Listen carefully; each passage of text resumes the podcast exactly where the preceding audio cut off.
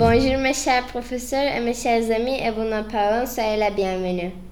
Moi, je m'appelle Daphne Dolmes de la classe 7D. Maintenant, je vais vous présenter la francophonie, l'importance de la langue française autour du monde. Tout d'abord, on commence avec la définition. Qu'est-ce que la francophonie? La francophonie, c'est l'ensemble des personnes qui parlent français. C'est aussi un dispositif qui encourage les échanges politiques, économiques, éducatifs et culturels partout dans le monde. Et maintenant, je vais vous expliquer qu'est-ce que ça veut dire le francophone et francophile. Ce sont des personnes qui utilisent le français comme langue de première socialisation. D'après l'Organisation internationale de la francophonie, environ 300 millions de personnes parlent français. C'est la cinquième langue la plus parlée dans le monde. Le pays est francophone. Ici, vous, allez voir les 54 États et provinces qui forment la francophonie.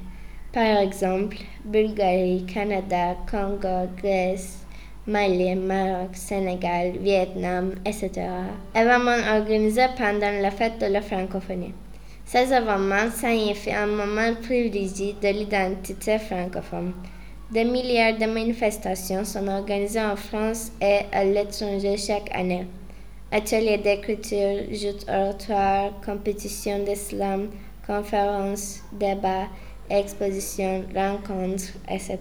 Nous aussi, comme chaque année, nous avons célébré la semaine de la francophonie avec nos amis et nos profs dans notre école.